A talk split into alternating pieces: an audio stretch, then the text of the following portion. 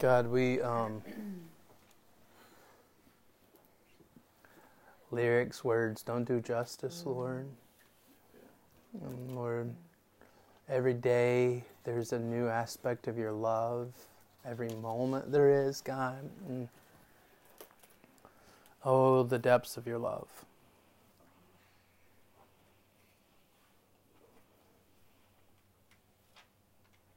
And Lord, we return as much as we can. we, we return our love back to you, our devotion back to you, our sacrifice back to you. Lord, not in an attempt to strive for perfection, but because you loved us first.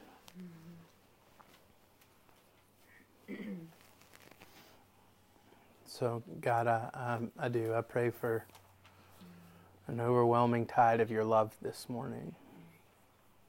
For those who are on mountaintops and those who are in valleys, Lord, flow, flood us with your love this morning. And Jesus, we do. We love you with everything we can muster behind that word. um, we return the love that you've given to us back to you, Lord. And we thank you in Jesus' name we pray. Amen. Amen. Well, if you have your Bibles or your phones, um, 2 Peter chapter 1, we're reading through uh, the daily reading, um, and hopefully you're still tracking with that. Um, we're praying through uh, what exactly uh, 2020 looks like, how we're going to do that, if we'll keep the same format or if we'll do something different. Um, and also, with since everybody's in one place, I want to say this: um, since Bartlett and Germantown are together today, um, hey, we're getting close to the new year, right? The new year's just around the corner. So, here, as your pastor, as whatever authority comes behind that word, encouragement that I could provide to you, man, start asking the Lord, what's the word for 2020? What's the word for 2020? God, what do you, what's the one thing that I can cling to that you're going to do in my life and that I'll have hope and have a rock solid foundation? What's the word? Um, a few years ago, um, or two years ago, uh, what was the word?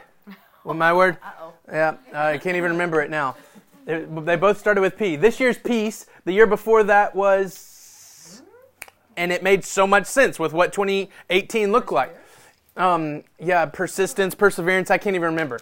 Um, so there's this there's this ongoing thing the Lord does in in my life of being able to celebrate and also when the valley comes, God said He was going to give me peace, right? God said He was going to give me peace. God said He was going to give me peace. So um, that that's kind of how we've always done that. We've always prayed through what are those words, what are those things that the Lord's doing, and so um, that's the that's the thing. So 2020, here it is, right? It's right around the corner. So hey, uh, in first or Second Peter chapter one, Second Peter chapter one. So we've been reading through a lot of um, stuff in the New Testament, and most of the stuff in the New Testament is geared towards a group of people, like the Romans, a church, Ephesians, Philippians, Colossians, Galatians, Corinthians, or a person, right? Timothy, Titus. But you know what? Paul wrote those. Peter, being Peter, he didn't label it first and second Peter, right? He just wrote a letter, right? He didn't self promote himself, right? This is Peter's letter, right? Like he didn't do that. But this is Peter writing a letter. And the reason why we don't have a group of people, it is literally to you. The church in Galatian, yes, we can obviously translate those things because we are ch- the church in uh, Germantown and Bartlett and Memphis, Tennessee, right? That's the church that we are, and we can translate those things.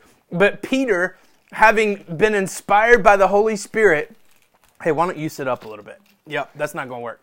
Um, the Peter being inspired by the Holy Spirit, being inspired by the Holy Spirit, writes to the believers then and later.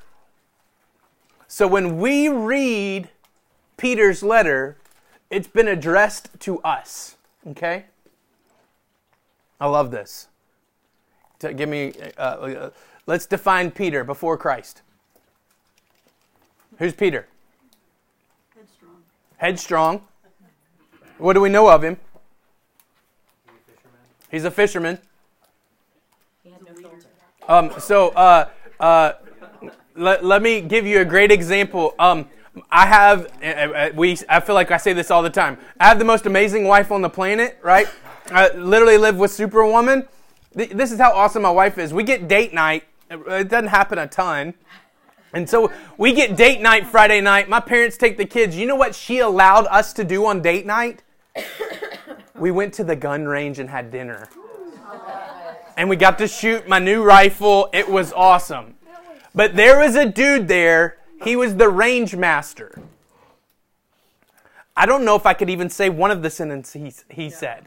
He was he said, "I apologize if I'm a little crass. I was a navy man for 30 years." He literally cursed like a sailor, right? Like literally was, right? That was him, right? Let's translate that to biblical time. He's a fisherman. Mm-hmm. Uh-huh. Probably pretty close to Peter, right? I, I wrote this down. He wears his emotions on his sleeve. That all these descriptions outside of fishermen, and we he, Jesus even says you're still a fisherman. All these descriptions still play into him after Christ. Watch, I love that. We think that something dramatically changes in our personality when God's probably the person that made us that way in the first place. He's trying to purge the things out of us. I love Clayton Wadlington with everything in me. that dude is trying to stop cursing in some ways. right? Right? Right? Trinity Trinity throwing him under the bus, but but but hey, listen to me. The Lord's doing works in him, right? Yes. Uh, there's a there's a T-shirt out there that says "I love Jesus and I curse a little," right? Right? Like there's things in our lives that we're trying to purge out, but there's also personality that God made us. That God made us that way. The reason why I pick on Clayton, Clayton's like me. We both wear our emotions on our sleeves. We're both very much like Peter. Wear emotions on our sleeves. We walk into a room and and can understand, grasp the emotions of other people. But watch this. In Acts, what do they how do they Peter is in front of a group of people teaching, and what do they say to him? The priest. What do they? What? How do they refer, refer to Peter? Uneducated. Uneducated. Let me say it another way that we would have said it today: illiterate. Mm-hmm. But how do they finish that sentence? We perceive these men as illiterate, but they had to have been with Jesus in order for this to take place. Illiterate. Watch this. God didn't change the illiteracy, He just showed up and through power went through Peter. Watch this. Uneducated, illiterate man, and we're reading his letter today. If we want to play the authorship, how many copies has such and such sold compared to Peter? Watch this. Do you ever feel like when someone asks you what's going on in your life and the Lord's doing something, sometimes it's a run on sentence of things He hasn't done, or it's either a run on sentence of the things that He has done? Yesterday, we had a group of people come over, Gina, and I'm so grateful you guys are here today. Um, we had a group of people come over, and they're like the United Prayer. It's a whole bunch. It's like I love. Can I say weird? It's the weirdest group of people. Like, like, like, like high religious and crazy charismatic and 15? All the way to 88. How, how old are you? 17. Dang it, dude. I'm sorry. I'm stuck at two years ago. So, um, 17, 17 and 82? 88. 88. 88. Like my dad's church and us, right? Like, like, yeah, he goes to my dad's church. so, we had this sweet time of prayer yesterday, but beforehand they wanted to pray over our, our church. I don't say our church, I say our church, right? Us. He wanted to pray over us. And so Gina's like, hey, tell us what the vision is and what God's doing and stuff. And I felt like I went for like 15 minutes with this one run on sentence. Right? Right? Like, I can't get it out fast enough, right? Ready? Ready? Watch this. Peter does this as well. Second Peter chapter 1. My intention was to teach through the entire chapter. And we're going to be in two verses, which is just one sentence. That's great. Verse 3. Try to process this illiterate man mm. writing all these words mm-hmm. in one sentence. His divine power has granted to us all things that pertain to life and godliness through the knowledge of him who has called to us his own glory and excellence, by which he has granted to us his precious and very great promises, so that through them you may become partakers in the divine nature, having escaped the corruption that is in the world because of sinful desire. Right. Like, what's the work that the Lord has done in Peter? Hmm. Watch this. Peter's at 60-ish. We I mean, if we just say Peter's the same age as Jesus, which is probably wasn't, he was probably younger. But let's say he was the same age of Jesus. He's about 60 here. He's writing to the Lord has given, given him enough foreknowledge, Holy Spirit insight to know that he's writing to believers here mm-hmm. in front of him and to us.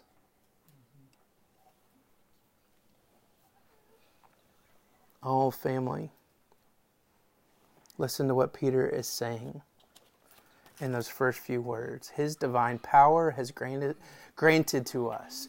The authority and the divine power of the Lord has granted to us all things that pertain to life and godliness. And the way that he's done that is through the knowledge of him who has called us to his own glory and excellence. Watch this. His power is used to supply my needs and to meet his standard. Um, why is Superman good? He uses his powers for good, not evil. Right? What the the idea is this. What? Oh. hate those stupid bugs. Uh, in the name of Jesus, we're not going to be distracted by the bug. We just watched Jesus. All right, all right. That's all right. It's like, I like, I, all of a sudden I'm making eye contact with no one. I'm like, what's going on, guys? um, yeah. So, so watch, watch this. We say that funny. Please catch this. God has his arsenal of power that's not of this world, and he uses it to supply my needs. And not only does he stop there, but he continues into I can't meet his standard of goodness and excellence. And he uses that power to help me reach that standard by giving us his son. We've said this before. One of the longest standing um, argumentation and debate for atheism is that the universe is continually expanding. The idea that the Big Bang did take place and it just continued out. The universe is continuing to expand, and someone has done this research. Why would the universe continue to expand? Watch this. They've realized the speed. I don't have all the stats in front of us because I, the it doesn't make any sense. We could say 50,000 quintillion, right? The speed of sound is the speed at which the universe is expanding. Why? Because God said it. God's voice is continuing to expand and create. That power speaks into your eardrums to supply your need.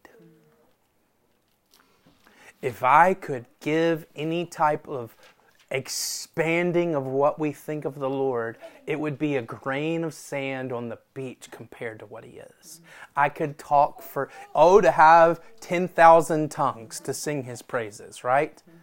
The, the idea that the universe is still expanding from the point of creation to now at the speed of sound. Some research has actually done it and figured out the time the first initial spoken thing happened. Right? Watch. Man's highest intelligence is something that God created and mapped out. Oxygen, water, food are the basic necessities for all of us. He uses those as examples of his divine power. I read this, I'm reading this book by Mark Batterson. He's probably, he might be the best Christian storyteller in the world right now. He writes books like crazy. He's just really good. But it's this book called Second Blessing. I'm almost finished with it. And the idea is this that we are supposed to thank the Lord for the blessings that He has given us. But we could never catch up to the synapses, the chemical impulses, and all the different things that take place on our existing body every moment. When we say His mercies are new every morning, it's because physically, this is the math that Mark Batterson's done. It's 4 to the 150th power of the different chemical reactions that take place in your body right now, every minute. And they're new. Times 8 billion people on the planet. Watch this. To deny the existence of God is to refuse the source of every breath, every thought, every ability, even to deny. I have the ability to deny because God's given me mm-hmm. that ability. This knowledge of His divine power is a gift for us to understand His glory and excellence. Reject part of God's creation is to limit the intimate relationship of God. Let me say that one again because we reject things so often. To reject part of God's creation is to limit the intimacy of God. Because how you were created, I can see His glory when you grow in intimacy with Him. I'll use Clayton as an example because I already used him as a negative example. He's going to punch me later. As a part, dude, I see you walking with Jesus and the growth in it, and it d- speaks to me of His glory and His excellence because of the intimacy you have with Him. I'll say it again. This is the vision of Selah Memphis. If you spend time with the intimate father, in intimacy with the Father, you will change nations individual time with the Father gets his heartbeat, and his heartbeat is to declare the thing that his Son has done. Yeah. And so we don't have to organize efforts to different places. What we need to do is individually sit with the Father, and in that, He'll give us the plan. Amen. And in that, He'll give us the same plan, right? I can trust the Holy Spirit in David. I trust David not as much as I trust the Holy Spirit in David. Right? Right? Because it's the same Holy Spirit speaking to me. I've used the example before. We played foosball. You have the pipe running through all the same players so that they're doing the same goal. We have the same Holy Spirit existing in each one of us. And God aligns all of us for the same purpose, same cause, same thing. And the reason why there's different things is because God is a different God. And He gives mission to different groups of people. But for us, the method to reach Bulgaria, the method to reach Nutbush, the method to reach your street is sitting in intimate times with the Father. See what kind of love the Father has lavished on us that we would be called sons of God. The reason why is I have to take time to stop and investigate the agape love. It's not something that happens naturally. And when I spend intimate moments with Him, I receive that love. He lavishes it on me because I'm a child of His. This supernatural power that sustains me gives me greater access to more precious intimacy. His, he sustains us in life and the pursuit of Him. Remember, it says all things for life and godliness. Not one person's godly, right? Right? We pursue it. We pursue godliness, Amen. Come right? We pursue those things. Watch. He sustains us for life, basic necessities, and meeting his standard, godliness. Should we talk about provider and sustainer for a little bit? Provider and sustainer. On supernatural levels that I don't understand. I'll talk about Jason right now. On supernatural levels that he doesn't understand the thing that God's revealing to him in these moments of losing his stepdad. He's the God of the valley, and He has to take us through the valley of the shadow of death to show us that death doesn't sting anymore, and He's the God of that valley. So watch, watch. Please don't miss it. Please don't move past it. Provider and sustainer has nothing to do with what I think. Mm-hmm.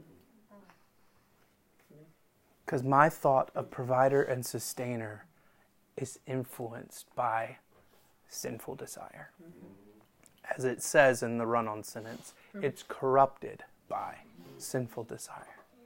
So, watch this. His divine power reveals to us all things that pertain to life and godliness, and in that, it gives us knowledge of how excellent and glorified He is. So, then what's our role in it? That could be the period, but Peter doesn't put the period there. He's not even halfway through the sentence yet. He says, by which. So, understanding this divine power that he uses to reveal himself to us, that thing that he does has granted to us precious and very great promises. His divine power that sustains us and reveals to us who He is, that very act gives us precious promises. Watch. Mm-hmm. Acknowledgement of His glory and excellence gives me access to His precious promises. Let's be careful here. What's in the top drawer of your dresser, nightstand? Come on. I said, let's be careful here. What, let, talk to me. Come on. Give me examples. Earplugs. Earplugs. Chapstick. Chapstick. Bible, pistol, and wallet. Yeah. Pocket Yeah. America. What about uh, heirlooms? Sure, America's in the top. What about trinkets? Heirlooms. You got that drawer? Sweet notes, right? Precious things. Watch this. Precious things. I, in my top drawer right now, Dustin Denson was here yesterday. We had our first gathering May 20th, uh, 2018 at Riverdale. And it was more just like, we're praying through this. If you want to come pray through this and we'll share what God's doing kind of thing. And Dustin comes up to me afterwards and he's got this, uh, Jacob and Dustin laugh the same way. he's got this little laughter to him, right? And he hands me this figurine of Super Mario. It's like two inches long. And he hands it to me. And I'm like, okay, what is this? And he says, there'll be times to jump and God will reveal something to you that'll power you up. There'll be times to run through things. There'll be things that you need to jump over, but keep running, keep going. God's got a vision for what you're doing and He's revealing it. Where is that now? Listen to me. Max just asked, where is that now? Listen to me. Top drawer. All right, I'm gonna go. Watch this. Top drawer. We have a place that we keep precious things. Watch this. I'm not making light of the, the vision, the thing that the Lord that done through that little trinket. It'll burn up one day. Him, someone else will pick that up and go, What's this? And throw it away. Precious things versus precious promises. Which one do you want God to provide and sustain for you? Let me say it again because in a moment where Christmas is around the corner and finances could be tight, in a moment where uh, that job's not playing out, or there's drama going on at home, or there's things that need to take place, the promises of God are precious and they're not things because they don't burn up. What are God's promises? I'm with you. You're mine. Child of the King, heir to the throne, royal priesthood, holy nation. When I acknowledge God to the fullest of my capacity, I in turn am acknowledging who I am and therefore the awareness of my need in Him increases. There's a run on sentence for you. Watch. When I acknowledge God to my fullest capacity, any of these little ones acknowledge God to their fullest capacity. He's glorified and excellent. He's my provider. He's my sustainer. I, in turn, am acknowledging I'm not excellent. I'm not glorified. He, I'm not providing for myself. I'm not sustaining myself. And therefore, my awareness of my need for Him increases. Watch. When I spend time intimately with the Father, I realize how much I need to spend time intimately with the Father. Let me say this, though. Let's stop starting with knowledge. Peter tells us we must start in the spiritual, divine power, which moves us into worship, acknowledging glory and excellence. And when we acknowledge God, He gives us precious things that are not temporal, they're precious promises. Watch. Pause. Belong. Respond. You see it? When I stop, He speaks. When He speaks, I belong. When I belong, I walk with swagger out of that because He gifts me the things that I belong to, and I respond in that way. Yes. Watch this. When I'm holding the precious promises of God, I'm not swayed by the world of sin.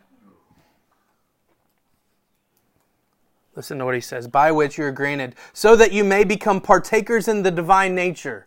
Wait, he's, he's, get, he's letting me belong, right? He's bringing me into the fold, right? And then watch. Having escaped from the corruption that is in the world because of the sinful nature Thank you, Jesus. having escaped war, jail, set the captives free. I love this. Please see this. Peter's maybe 60 years old. So if we back up to Acts 2, and I'm going to read it to you, David's got it on the screen. Listen to what Peter said when he first said it. When he first is preaching on the day of Pentecost, he said the same thing. Peter replied, Each of you must repent from your sins and turn to God and be baptized in the name of Jesus Christ for the forgiveness of your sins. Watch. Precious promise. Then you will receive the gift of the Holy Spirit. This promise is to you, to your children, and those who are far away, those who've been called by the Lord our God. Then Peter continued to preaching for a long time, strongly in urging the listeners. Watch. Save yourselves from this crooked generation. Even Peter's life has not been swayed by the crooked generation because 30 years later, he's saying the same gospel. Yeah. How has he done it? Because he's still holding the precious promise that God's given of the Holy Spirit. Walk by the Spirit and you won't gratify the desires of the flesh. Watch, walking by the Spirit is the same thing as clinging to the promises of God. The way that I walk by the Spirit is, Lord, okay, I'm not going to make this decision. You got to make it for me. It's an act of faith. And in that, the walking by the Spirit stirs deep within me something that makes me hold tighter to who God is. My walk with the Lord is only dependent upon me escaping sinful desires, living within by acknowledging who God is and who I am not. Come on. How do we walk by the Spirit? How do we not get swayed and corrupted by a generation? Look, not even a generation, a generation that I've been born in, a generation that uh, something deep within me appeals to and attracted to, and naturally I will be a part of. How do we walk escaping this corruption? Simple. Clinging to the promises of God. Walking by the Spirit is nothing more than clinging to the promises of God every day. It's nothing more than clinging to the promises of God every day. Please, family, see this. I do not desire to go reach the world for Jesus naturally. I don't desire to minister to others naturally. But when I cling to the promises of God that He's with me and that He sent me the comforter, the healer, the helper, the encourager that is the Holy Spirit, and when I hold tight to those things, all of a sudden I believe I'm a child of God and heir to the throne, a royal priesthood, a holy nation. I have the ability to investigate and see the kind of love the Father has given me. And in that, what do I do? It's infectious. My neighbors say there's something different because I'm not looking like the world. Here's how we try to do this right now we try to legislate and group ourselves into stereotypical concepts of who God is and what God is. Let's stop that. That's knowledge based. We try to minister and serve so that we look peculiar. Let's not do that first. The first step is sitting in intimate times with the Father. And when He speaks the things into me, I hold on to those precious promises. Out of that, out of that comes a response in ministering to others. Out of that comes a response of reaching my neighbors and the nations. If we start somewhere else, it's another Jesus, another gospel. And let me be even as bold to say anyone who comes to faith in those capacities will say, Lord, Lord, and he'll say, Depart from me, I never knew you.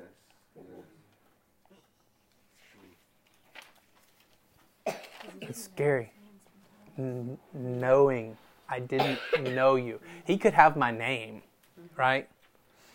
But if I hadn't spent time with him, he didn't depart from me. I never knew you. Let's pray.